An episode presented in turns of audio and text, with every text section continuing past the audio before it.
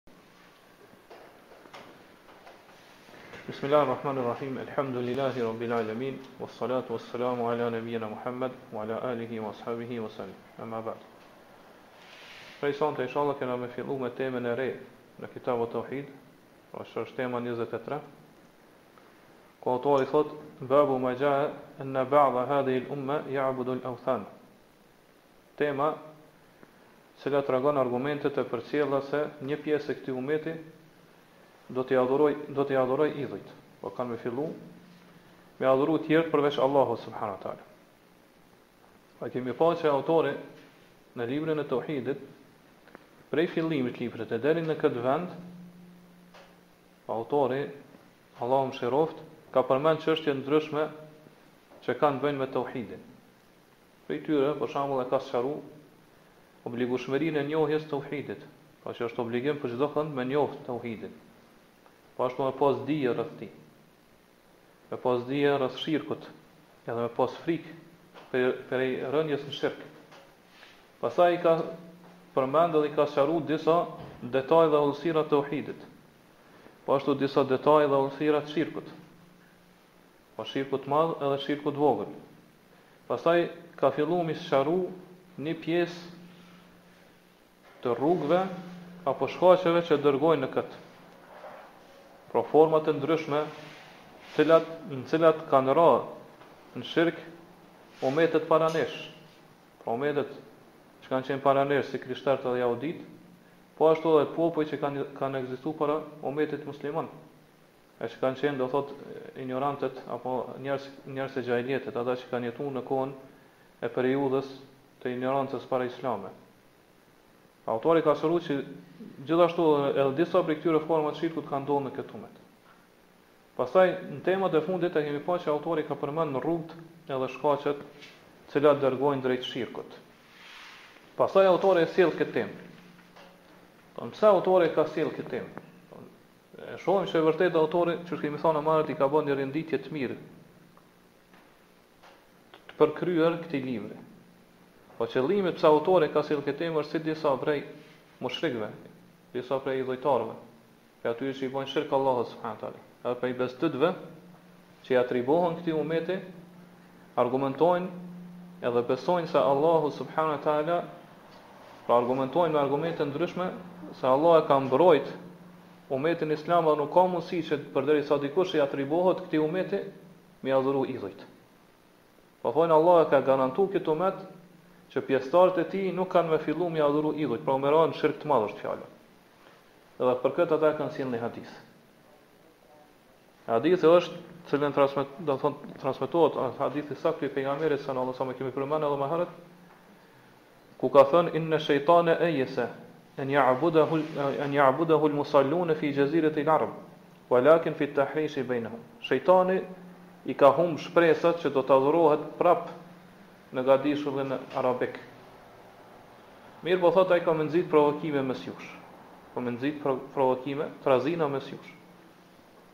Ata kanë thënë se në këto fjalë pejgamberi sallallahu alajhi wasallam po kuptojnë se adhurimi i shejtanit nuk do të ndodhë në këtë umet. Pra shirku i madh nuk ka gjasa edhe nuk ka mundësi me rrjedhë dhe me ndodhë prej pjestarëve të umetit. Pra kështu pretendojnë ata të cilët i adhurojnë varret. Mirëpo, si është kundërpërgjigja ndaj këtij hadithi, që e kanë sjellë ata si argument? Vërtet, kundërpërgjigja ndaj argumentimit me këtë hadith. Themi se argumentimi me këtë hadith nuk është në vendin e duhur. Edhe nuk do të kuptohet ky argument këtë mënyrë. Pra ata e kanë keqkuptu këtë hadith.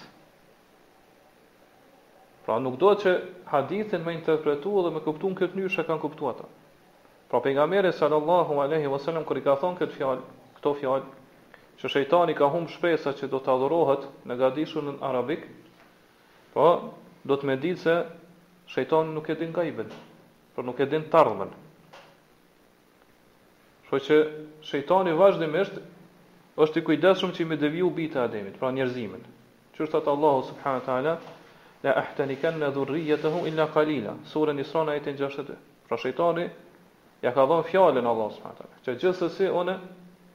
Fjala ahtenikenne ka për qëllim kam me i shrrënjos, pra qëllimi është kam me deviju krejt njerëzimin, përveç një pakicë prej tyre.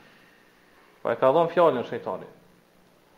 Mirëpo këtë, këtë hadith, pejgamberi sallallahu alaihi wasallam po tregon që shejtani ka humb shpresat. Mirëpo pejgamberi nuk po thotë që Allah është ai i cili ja ka humb shpresat shejtanit. Pse i ka humb shpresat shejtani që ka m'u adhuru, adhuru në gadishullin arabik?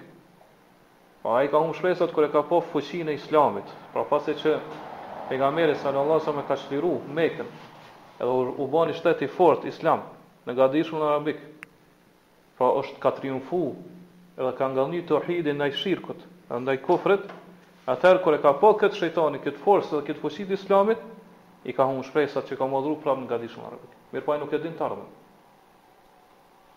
Pra nuk është Allah ai që e ka bë shejtanin m'i humb shpresat, mirëpo ai vetë i ka i ka humb shpresat për këtë gjë. Mirëpo ai, do thotë, ka premtu Allahut që vazhdimisht ka me punu që me deviju njerëzimin. Pastaj kundërpërgjigja tjetër është se pejgamberi sallallahu alajhi wasallam po thotë këtu e yesa an ya'budahu al-musallun. Shejtani ka humb shpresat që kanë m'e adhuru namazlitë e këtij umeti.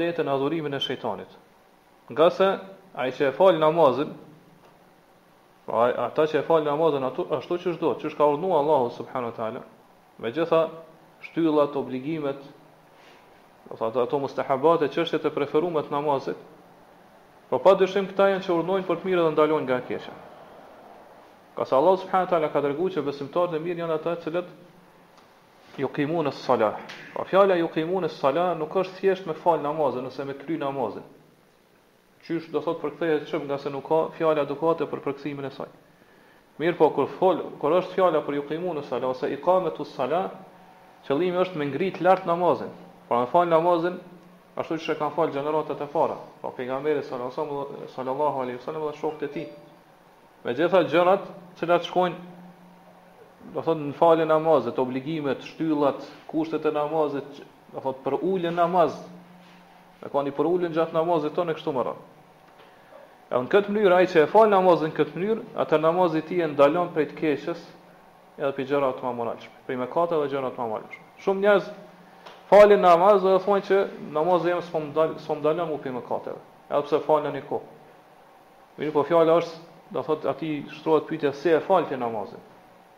Nëse e fal namazin ashtu qysh duhet, Po qysh na ka mësu pejgamberi sallallahu alejhi ve sellem, atëherë patjetër ai namaz ka me ndalë ty prej mëkateve, prej gjërave të ulëta të pamoralshme. E gjëja më mëkati më i madh, prej cilit ose cilin e urren edhe ndalon prej tij namazlinë, ai që e fal namazin në këtë mënyrë, në këtë formë, patjetër është shirku, me i bë shirk Allahut subhanahu wa ngase ky është mëkati më i madh. Prandaj shejtani ka humb shpresën që kanë me adhuru ata të cilët e falin namazin në këtë mënyrë.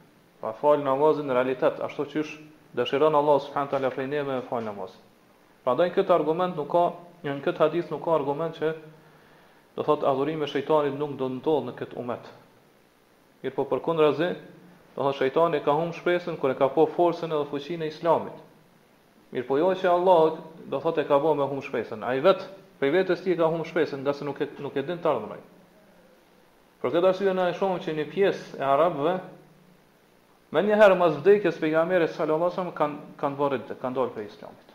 Një pjesë e arabëve. Si ka vdekë pejgamberi sallallahu alejhi wasallam e kanë lëshuar Islamin. Dmth menjëherë, shumë, s'ka shku shumë kohë, kur ata e kanë lënë fenë. E pa dyshim që lëshimi, ose braktisja e fesë islame, është prej adhurimit të shejtanit.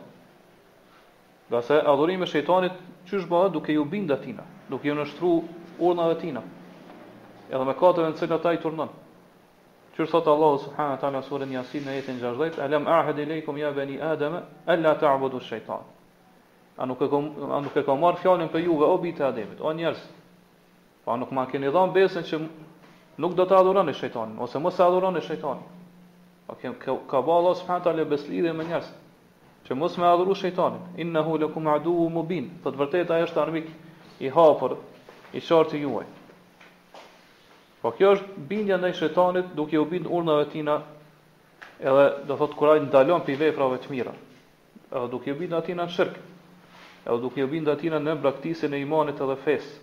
Po edhe gjërat, gjërat që rezultojnë edhe vinë si rezultat i imanit edhe fesë, dinit. Prandaj shejtani ka humë shpresat ngase nuk e ka ditë të ardhmen. Kështu që, dhe imami i këtij davetit,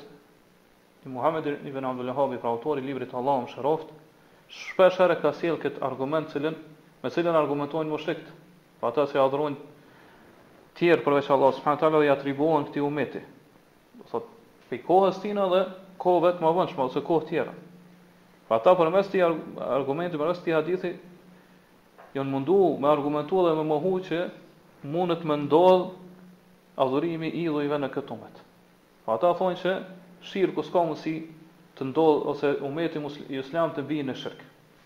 Prandaj autori ka dashur me tërheqë vërejtën me këtë temë, edhe në këtë hadith që shpesh e sjell nëpër librat e tij, që argumentimi në këtë hadith është i kotë. Argumentimi për atë që ata kanë pretenduar nuk është i saktë, është i kotë. Pra ai nuk tregon për mendimin edhe për thënien e tyre.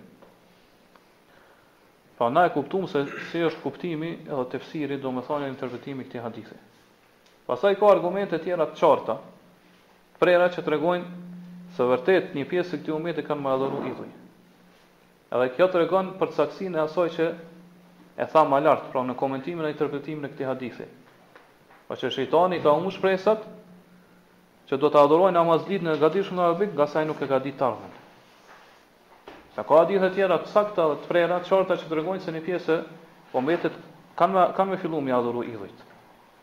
Prandaj kur autori ka sjell këtë temë, pra po thotë se kjo është tema në cilën për cilën ose tregon argumentet që cilat argumentojnë se një pjesë e këtij umeti kanë me adhuru idhujt, qëllimi është se Adhurimi, adhurimi i idhujve do të ndodhë në këtë umet. Edhe kjo do të pohohet me fjalë, me tekst të prerë prej fjalëve të pejgamberit sallallahu alaihi wasallam. Ashtu siç ka ndodhur në umetet e mëhershme, edhe në këtë umet ka me ndodh që do të thotë pjesëtarët e këtij umeti kanë fillu, me fillu me adhuru idhujt. Pra qëllimi i autorit kur e sjell këtë temë është me iu kundërvu këtyre njerëzve. Pra adhuruesve të varreve, të cilët thonë, besojnë edhe mendojnë se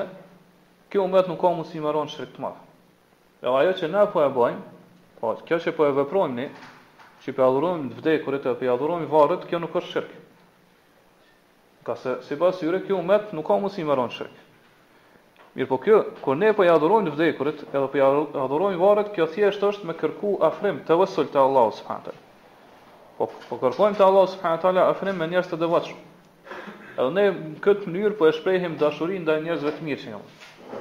Edhe do thot sjellin justifikime të tjera që vërtet janë justifikime, justifikime shumë të dobëta. Edhe Allah subhanahu taala ka treguar se kjo ka qenë e njëjtë justifikim dhe arsyetim, pra njëjta thënie që kanë përdorur edhe mushrikët në kohën e pejgamberit sallallahu alaihi wasallam. Po kur Muhamedi sallallahu alaihi wasallam i ka urdhëruar ata që me adhuru Allahun subhanahu taala të vetëm. Edhe me lanë adhurimin e tjerëve me braktis, pra me lanë shirkun e madh, ata çka kanë thënë?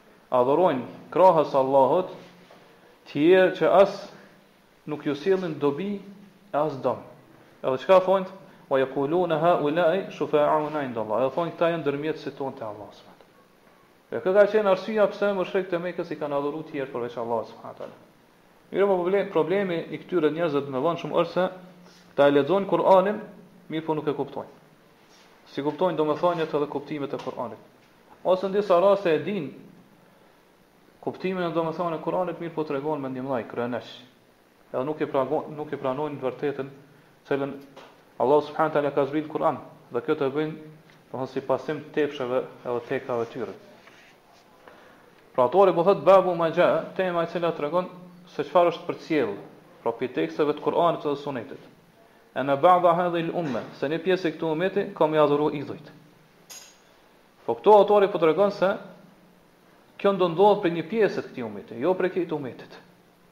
Ngase umeti islam nuk ka mundësi që mu bashku në dalalet në humbje. S'ka mundësi që i gjithë umeti me deviju. Allah subhanahu taala ka rujt këtë umet prej kësaj. Pra një pjesë e umetit gjithmonë ka me, kanë me qenë, do të thotë të fortë e të përqendruar në të vërtetën. Pra dhe adhurimi i idhujve nuk ka me ndodhë prej krejt umetit.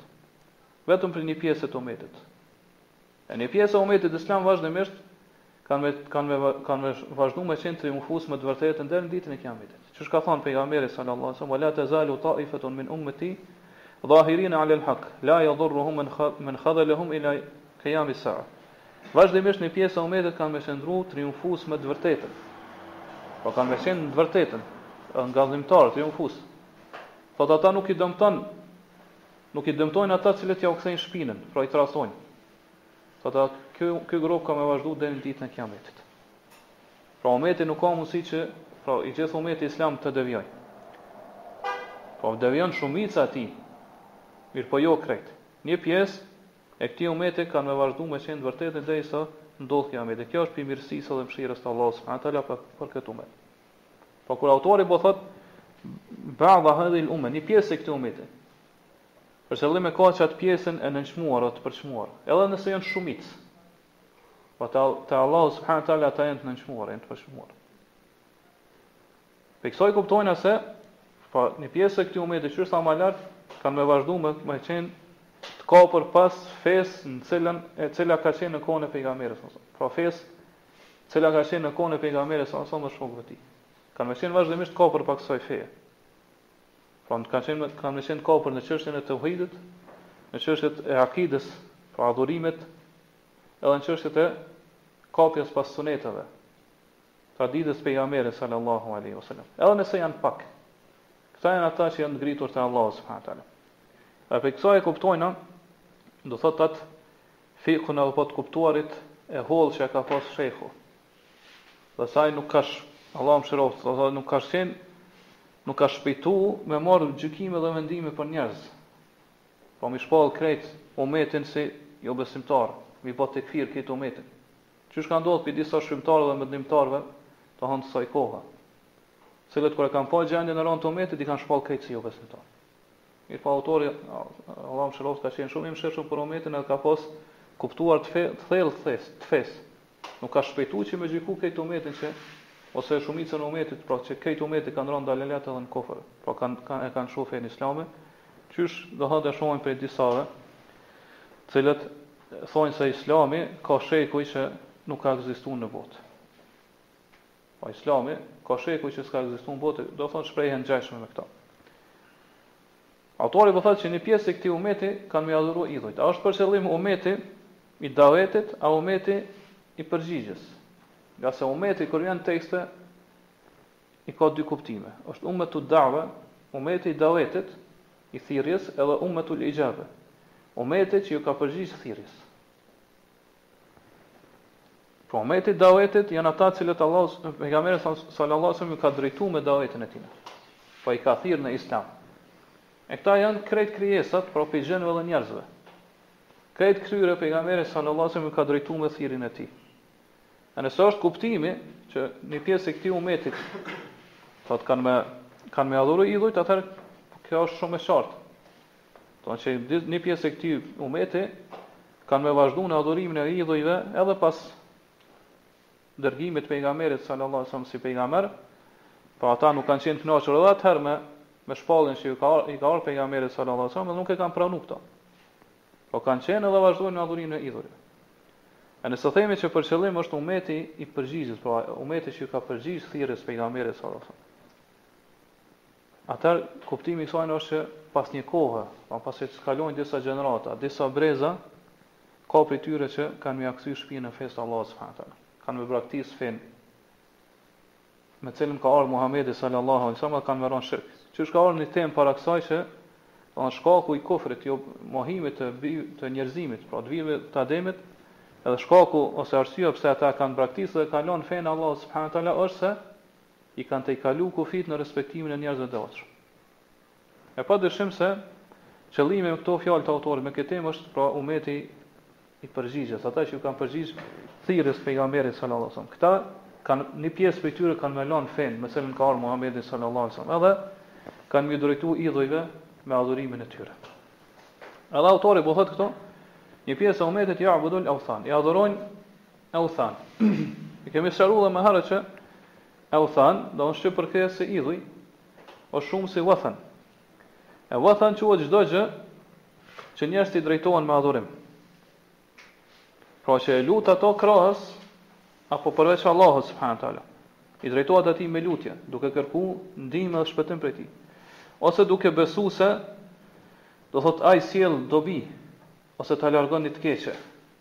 ose duke shpresu në të ashtu qysh shpreson te Allahu subhanahu wa taala, po me shpresën e adhurimit, apo duke pas frikë prej tij, ashtu qysh ki frikë prej, qysh kanë muslimanët frikë prej Allahut subhanahu wa taala, po që është ajo frika e fshehtë, po frika e zemrës, po të edhe lloje të ndryshme të adhurimit edhe të drejtimeve ose adhurimeve që ja drejtojnë tjerët dikujt tjetër përveç Allahut subhanahu wa taala. Prandaj çdokush i cili e beson njërën prej këtyre gjërave ose ose njërën prej këtyre adhurimeve për dikën tjetër përveç Allahut subhanahu wa taala, atëherë që ajo gjëja është wathan. pra quhet ose shumësi është awthan, idhull. Nganjëherë ai që adhurohet prej tjerëve është i kënaqur me këtë adhurim. E nganjëherë nuk është i kënaqur. Për shembull, qysh është adhurimi që ia bëjnë krishterët Isës, alejhi selam, ose nënës tij, e kështu me radhë. Pra ata nuk janë të kënaqur me këtë adhurim, madje thonë ditën e Kijametit do të distancohen edhe do të shfajësohen para Allahut subhanahu wa taala për këtë adhurim që të tjerët ja kanë bërë në vend të Allahut subhanahu wa taala. Pra nuk do të kuptohet fjala wathan, pra idhull, si, si një statujë e cila është e gdhendur në një imazh të caktuar. Pra statuja e cila ka një imazh të caktuar, në arabisht nuk quhet wathan, ajo quhet sanam. Sanam, edhe sanemi shumësi i tij është asnam. Pra dallimi mes wathan edhe sanam është se asnam janë vetëm ata idhujt që janë ose statuja që kanë qenë gdhendura në forma ose imazhe të personave. Për shembull, dikush ka shkuar dhe ka gdhend një statujë të një pejgamberi. edhe adhuron ato, ose statujën e një prej burrave, prej njerëzve do të thonë të ndryshëm, qysh është për shembull statuja e Budës, që njerëzit e gdhendin, edhe shkojnë i bijnë sexhde dhe adhurojnë ato në vend të Allahut subhanahu teala. Do të thonë qito quhen asnam.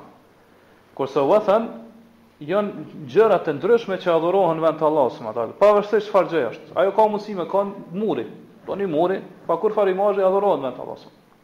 Apo mundet me qenë varr. Apo mundet me qenë njeri i vdekur. Mundet me qenë gjithashtu edhe sanem, ngase në këtë kuptim domethënë hin edhe sanemi. Po mundet me qenë gur, guri, apo mundet me qenë pemë. Mundet me kanë edhe xhin, shejtan që e adhurojnë veç Allahut subhanahu. Madje te fjala u thënë hin edhe ndonjë atribut.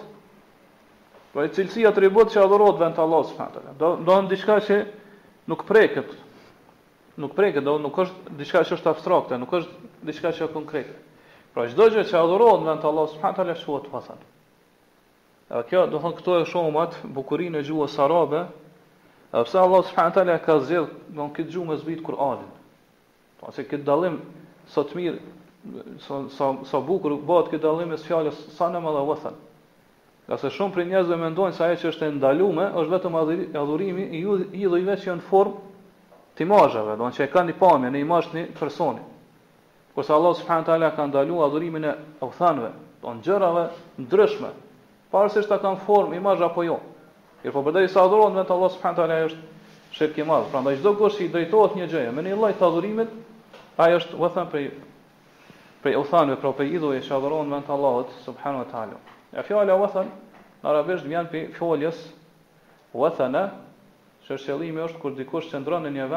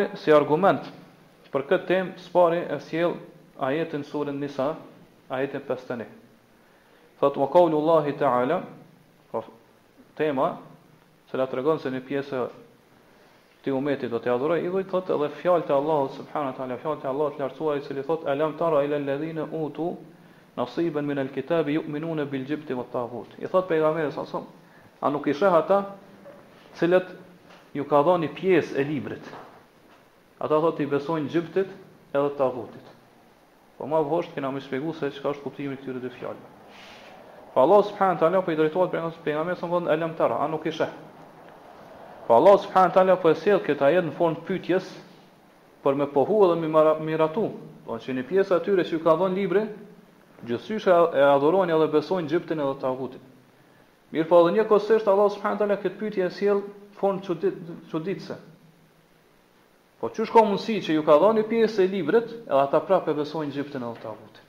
Prapë e adhurojnë edhe besojnë Xhiptin edhe Tagutin.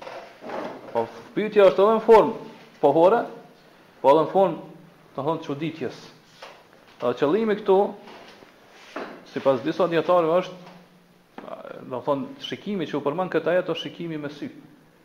Ngase n'gjuhën arabe fjala tara ose ra'a kur kalon veprimi i saj me pjesëzen ila, kto qysh ka ardhur edhe në ajet alam tara ila alladhina, atëherë për qëllim është me shiku me sy, ngase shikimi, po edhe në gjuhën arabe edhe në gjuhë tjera është dy lloje, është shikimi me sy edhe shikimi me zemër.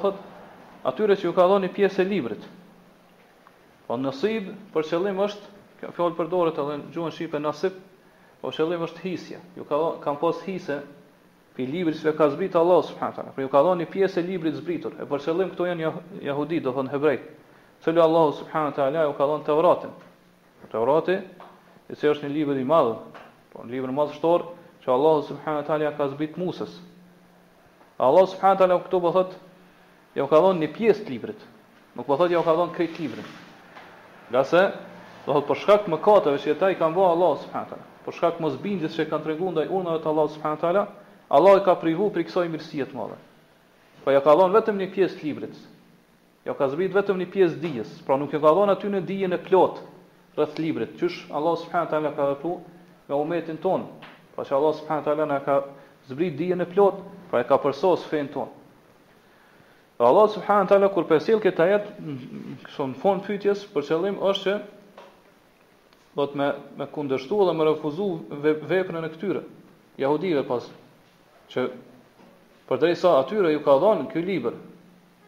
Atëherë Obligim për ta është që po përderisa e dinë të vërtetën, e dinë hakun, është që me punu me këtë vërtetë.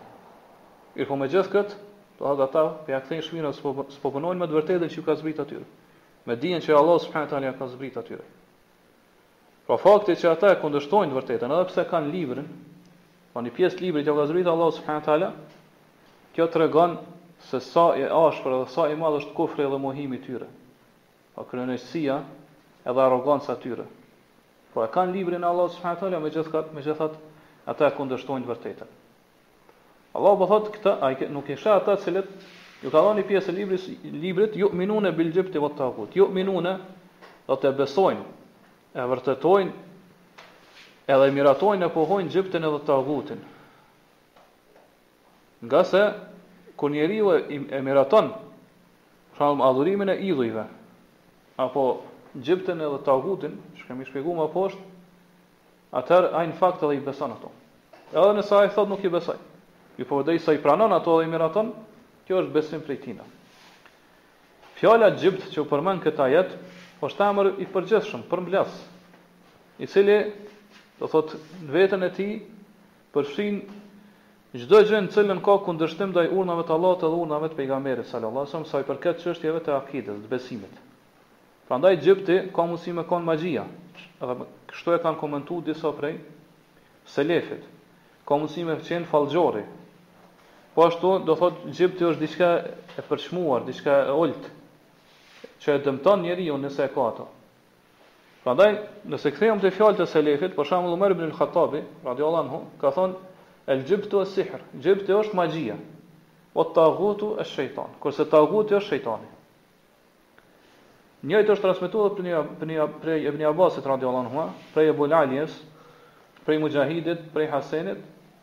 Hasan el Basriut, Allahu e mëshiroftë edhe prej tjerëve.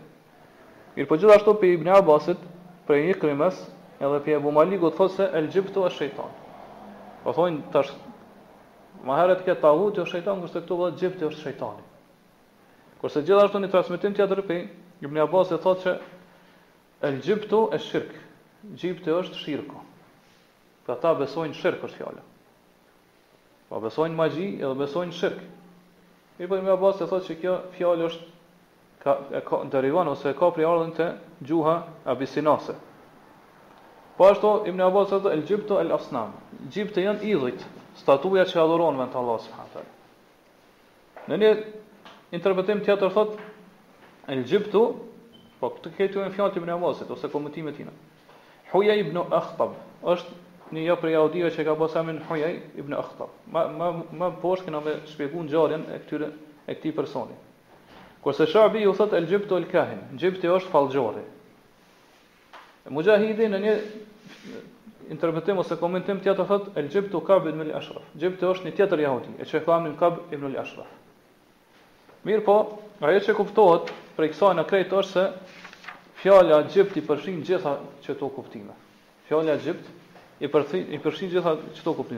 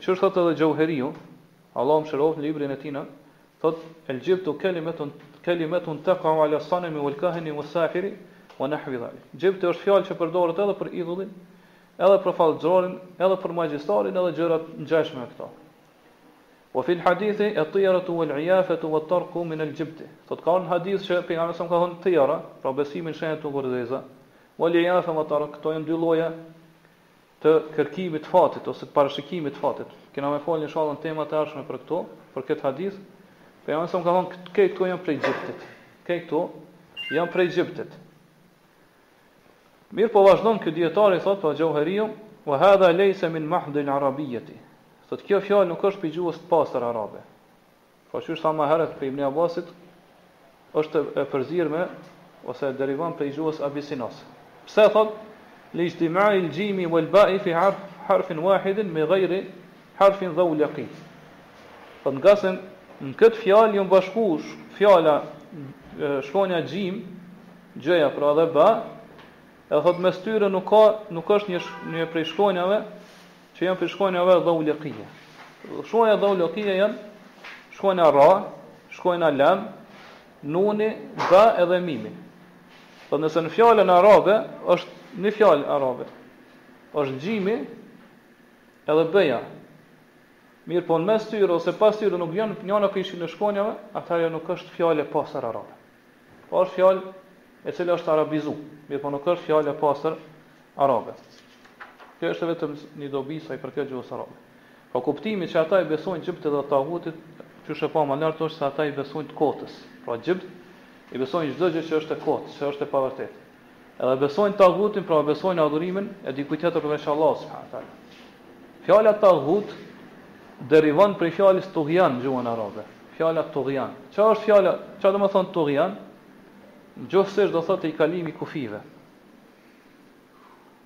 Pra, tagija personi i cili tejkalon kufit në çështje të fesë, quhet tagija.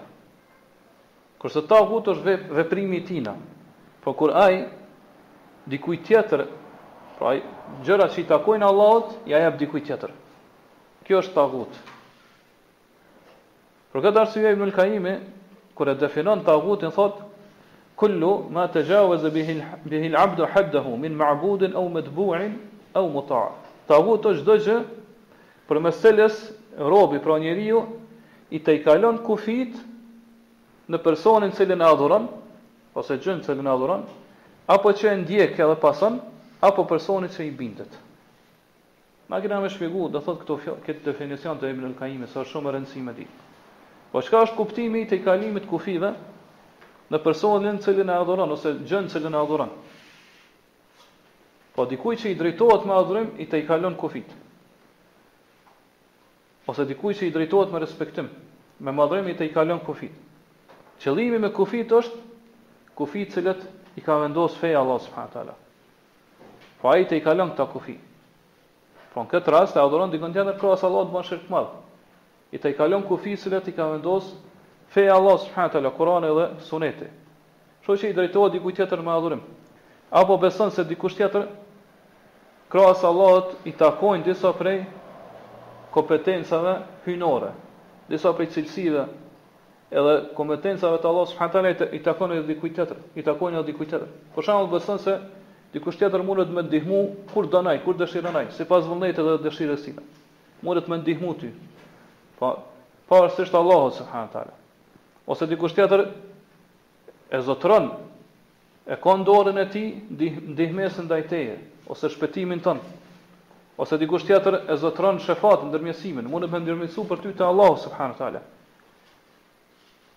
Apo me ndërmjetësu për ty që Allahu me ta fal, apo beson që ai vetë mundet me t'i fal mëkatet. Ai vetë mundet me të dhan çfarëdo çfarëdo që ti kërkon prej tina. Pra ai ka mundësi që me t'afru te Allahu subhanahu teala kështu me radhë. Pra gjëra që robtë krijesat e Allahu subhanahu teala nuk i zotrojnë, nuk i posedojnë. Prandaj krejt këto ose ngjashme me këto kur dikush i beson për dikon tjetër, atëherë themi se ai ka i ka tejkalu kufijtë ndaj këtij personi. Ndaj këtij personi, pra kufijtë të cilat i ka vendosur shariati, feja e Allahut subhanahu teala, i ka tejkalu kufijtë dhe i ka dhënë atij kompetenca, drejta që i takojnë vetëm Allahut subhanahu teala. Pra kështu kështu është tejkalimi i kufijve ndaj njerëzve që i adhurojnë vend të Allahut subhanahu teala. Kurse tejkalimi i kufijve ndaj atyre që pasohen dhe që ndjeken, për qëllim këtu është dijetarët. Edhe udhëheqësat ose prijsat në çështjen në çështjet e fesë. Qysh njeriu i tejkalon kufijtë në raport me dijetarët ose udhëheqësat në çështjet e fesë. Kur njeriu do thotë e pason çdo gjë që thonë ata. Edhe nëse ata ja bojnë halal Pra ja lejojnë gjërat që janë haram, ndalume. Apo e kundërta, do thotë ja bëjnë haram, ndalume gjërat e lejuara. Ose një sunet e bëjnë bidat. Apo një bidat e llogarisin edhe bëjnë si sunet. Pra përderisa njeriu i din bazën e fesë, edhe i pason ata, Pra e kundërshton, i kundërshton këto parime bazat e fesë për për shkak se filani ka thënë prej dijetarëve, atëherë i themi se ky i ka tejkalu kufijtë në raport me këtë dijetar. Edhe e ka ba atë tagut. Ngase kufiri të cilin e ka vendos feja e Allahut subhanahu wa taala për dijetarin i cili ndiqet edhe pasohet është që do thotë njeriu me i pasu urdhnat e tij përderisa e urdhnon me atë që ka urdhëruar feja e Allahut subhanahu wa taala.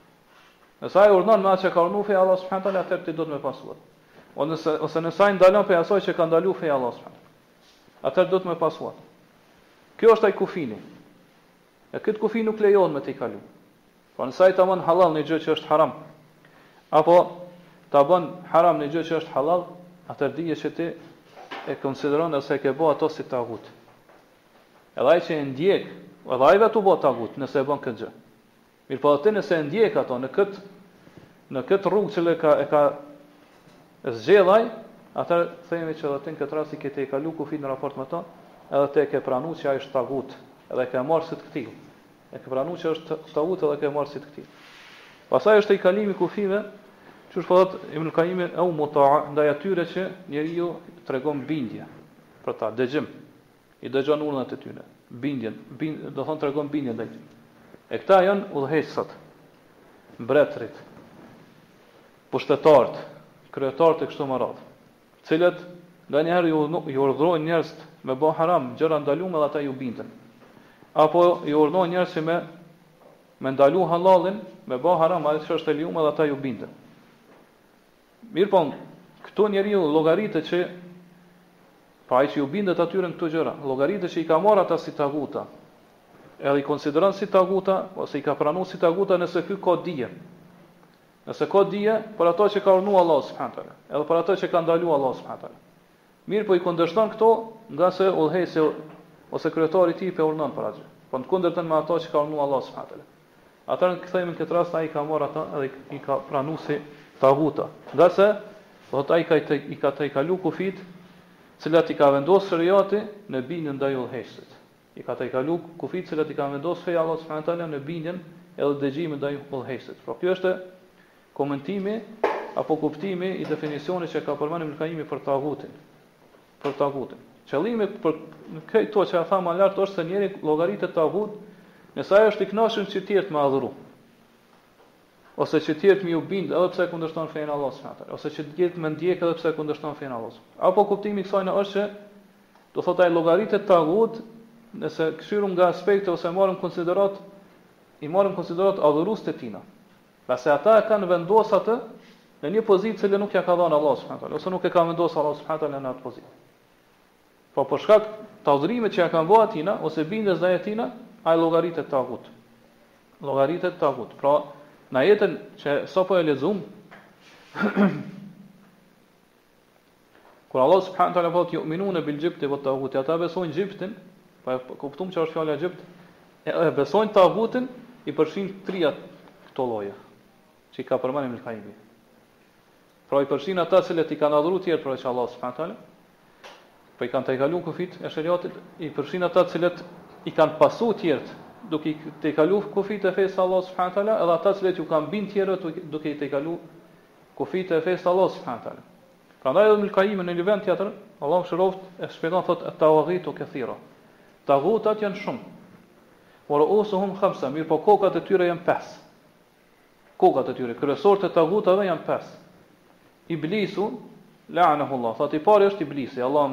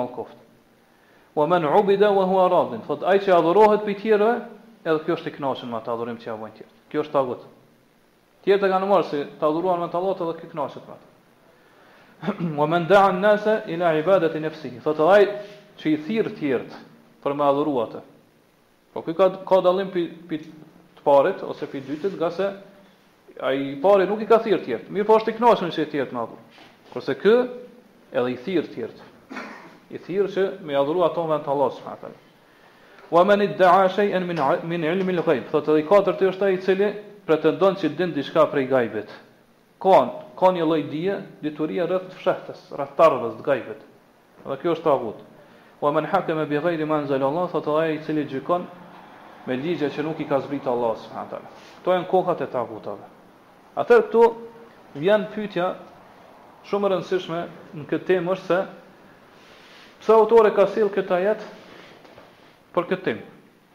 Po cila është ajo lidhshmëria dhe përshtatshmëria mes ajetit edhe temës? Po tema ishte që një pjesë e këtij ummeti kanë me adhuru idhujt. Kurse këtu pejgamberi s'a... në të vërtetë autori Allahu mëshiroft po e sjell ajetin ku Allahu po tregon se atyre që ju ka dhënë një pjesë e librit, pra hebrej, i besojnë xhibtit edhe tagutit. E cila është lidhshmëria ose përshtatshmëria mes Këtij argumenti dhe temës. Pra duhet me ditë këto. Është shumë e rëndësishme, është do thotë një gjë shumë e rëndësishme që do të thotë ka me na ndihmu m'i kuptu edhe argumentet e ardhshme që i sjell autori.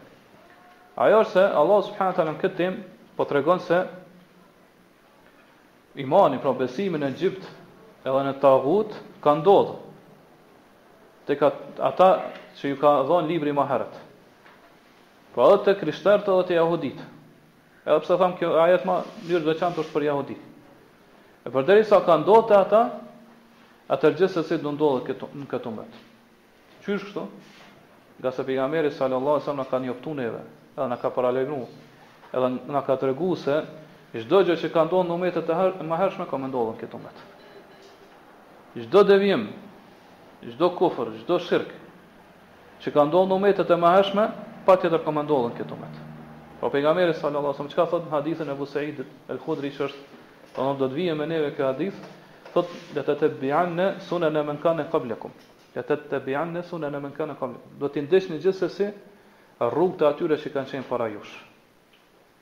Hadhw al-kudhdhati bil-kudhdhe, thotë ashtu, në mënyrë të barabartë qysh janë, qysh vendosen paralelisht ato puplat në bishtin e shigjetës.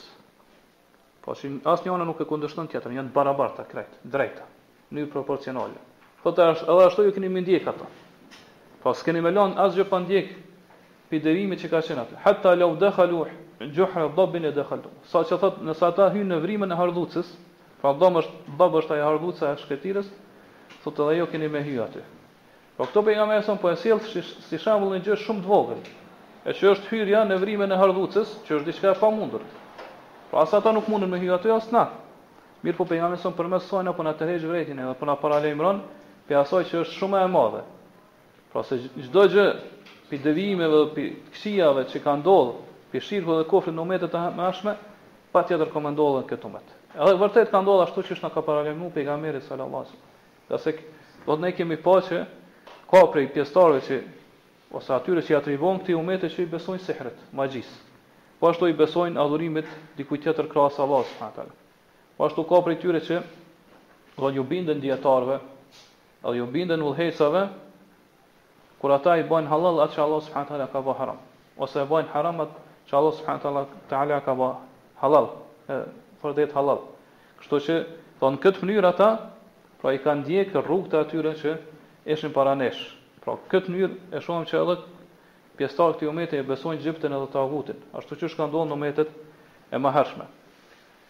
Pastaj ajeti vazhdon apo përfundon inshallah. Vazhdon ende thot wa yaquluna. Allah thot edhe thonë ata, pra hebrejt. Lil ladhina kafaru. Ju thonë atyre që kanë mohu, që kanë bërë kufër. Po qëllimi është që ju thonë mushrikëve të kurejshëve. Ha ulai ahda min alladhina amanu sabila. Këta janë në rrugë më drejt se sa ata që kanë besuar. Pra, hebrejt kanë thonë për jobesimtarët, cilët e kanë kundërshtu pejgamberin salasem, pra, për mushrikët mekas, mushrikët e kurejshve, që ata janë në rrugë më drejt, pra rruga atyne është më e drejt, e ata janë më të udhëzumë se sa rruga e besimtarëve muslimanë që e kanë ndjekë Muhammedin sallallahu alaihi sallam. Pra, këtë e kanë thonë, edhe pse e kanë pas librin, ose një pjesë librit që e ka zbritë Allah subhanahu Pra, edhe pse e kanë ditë se cila është e vërteta dhe cila është e kota.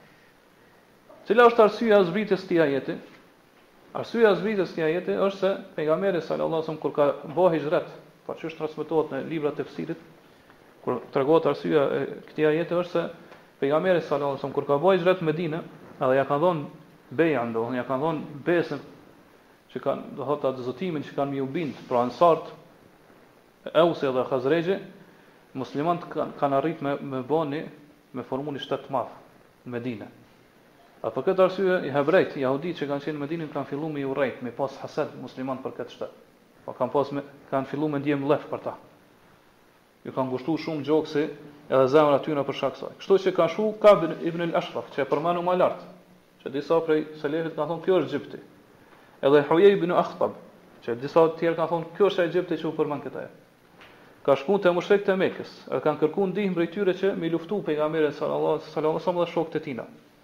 Kështu që mushrikët e Mekës e kanë shfryzu këtë rast, edhe e kanë pyet. Kan thonë ju jeni njerëz të librit, pra Allahu ju ka zbrit një pjesë librit. E njeni të vërtetën prej të pavërtetës. Atër na sqaroni neve cili prej nesh është ma i udhzum, ne apo Muhamedi sallallahu alaihi wasallam.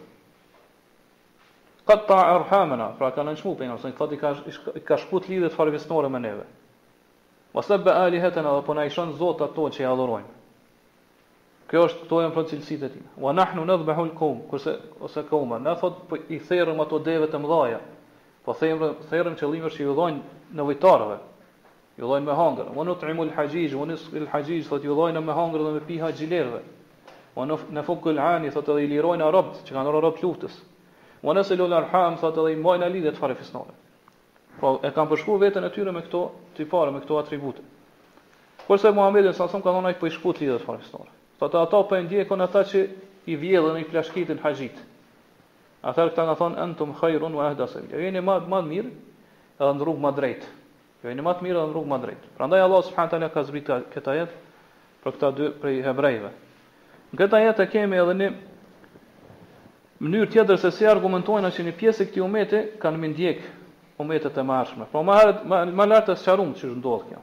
Pra që çdo gjë që ka ndodh te krishterët edhe te jahuditë, pra që e kanë besu gjiptin edhe tagutin, ka me ndodh edhe edhe në këtë umet, edhe në këtë ummet. Pra kanë mi imitu ata në këto gjëra. Mirëpo gjithashtu e shohim që në këtë ummet ka njerëz të cilët i madhërojnë Për së tepërmi jobesimtarët, kurse i nënvlerësojnë muslimanët. Qysh kanë thënë edhe hebrenjtë këto, Haulai ahda min alladhina amanu sabila. Ata janë në rrugë më të drejtë, pra janë më të udhëzuar se sa besimtarët. Prandaj sot e shohim që ka njerëz të cilët për shembull e lavdërojnë një shtet të kufrit, një shtet të jobesimtarëve. Një shtet, do të thonë ku aty vlon ose për bazë është Mohimi, mosbesimi në Allahun, edhe i përshkruajnë ato shtete me cilësi madhështore, po që është vërtet shtet i madh, do thotë u japin atribute dhe cilësi të mëdha. Kurse në anën tjetër i nënvlerësojnë muslimanët edhe shtetet e tyre. Thonë ata janë të prapambetur. Ata do thotë s'kanë shku përpara. E kështu me radhë. Kjo është një gjë që e shohim edhe ekziston këtu. Prandaj, don ky ajet me na tregu se në këtë umet do ndodh njëjtë ashtu siç ka ndodhur te jehuditë. Po që besojnë Gjiptin edhe Tagutin edhe i bojnë shirk Allahut subhanahu taala, mirëpo njëkohësisht, po i lavdërojnë jobesimtarët kurse i nënvlerësojnë besimtarët. Po çdo gjë që ka ndodhur te hebrenjtë apo te krishterët ka me ndodh në këtë umet. Ose ka me ndodh prej disa pjesëtarëve të këtij umeti, ose prej disa komuniteteve dhe grupeve të këtij umeti. Po kanë me vepru edhe kanë me imitu jobesimtarët në atë që e kanë bë ata. Prandaj ne e shohim sot që njerëz kanë ndërtu mbi varre Po tyrbe, ndërtesa të tjera, shkojnë do thotë bojnë tavaf aty, luten, kërkojnë bereqet, fërkohen për ato varre, shohim gjithashtu që njerëz do thotë festojnë ditëlindje të ndryshme, mevluda, kërkojnë ndihmë, do thonë prej të vdekurve shpëtim, therrin dhe zotohen në emër të tyre, Këto kanë kanë ekzistuar dhe kanë qenë te jehuditë dhe te krishterët. Prandaj patjetër që do thotë kanë me ndodh edhe këtu, edhe ka ndodhur ashtu siç ka paralajmëruar pejgamberi sallallahu alaihi wasallam. Pastaj autori vazhdon me sjell, do thotë, argumente të tjera në këtë temë, e ne po mjaftohemi sonte me kaq, Allahu a'lem, wa sallallahu ala nabina Muhammed, wa ala alihi wa ashabihi wa sallam.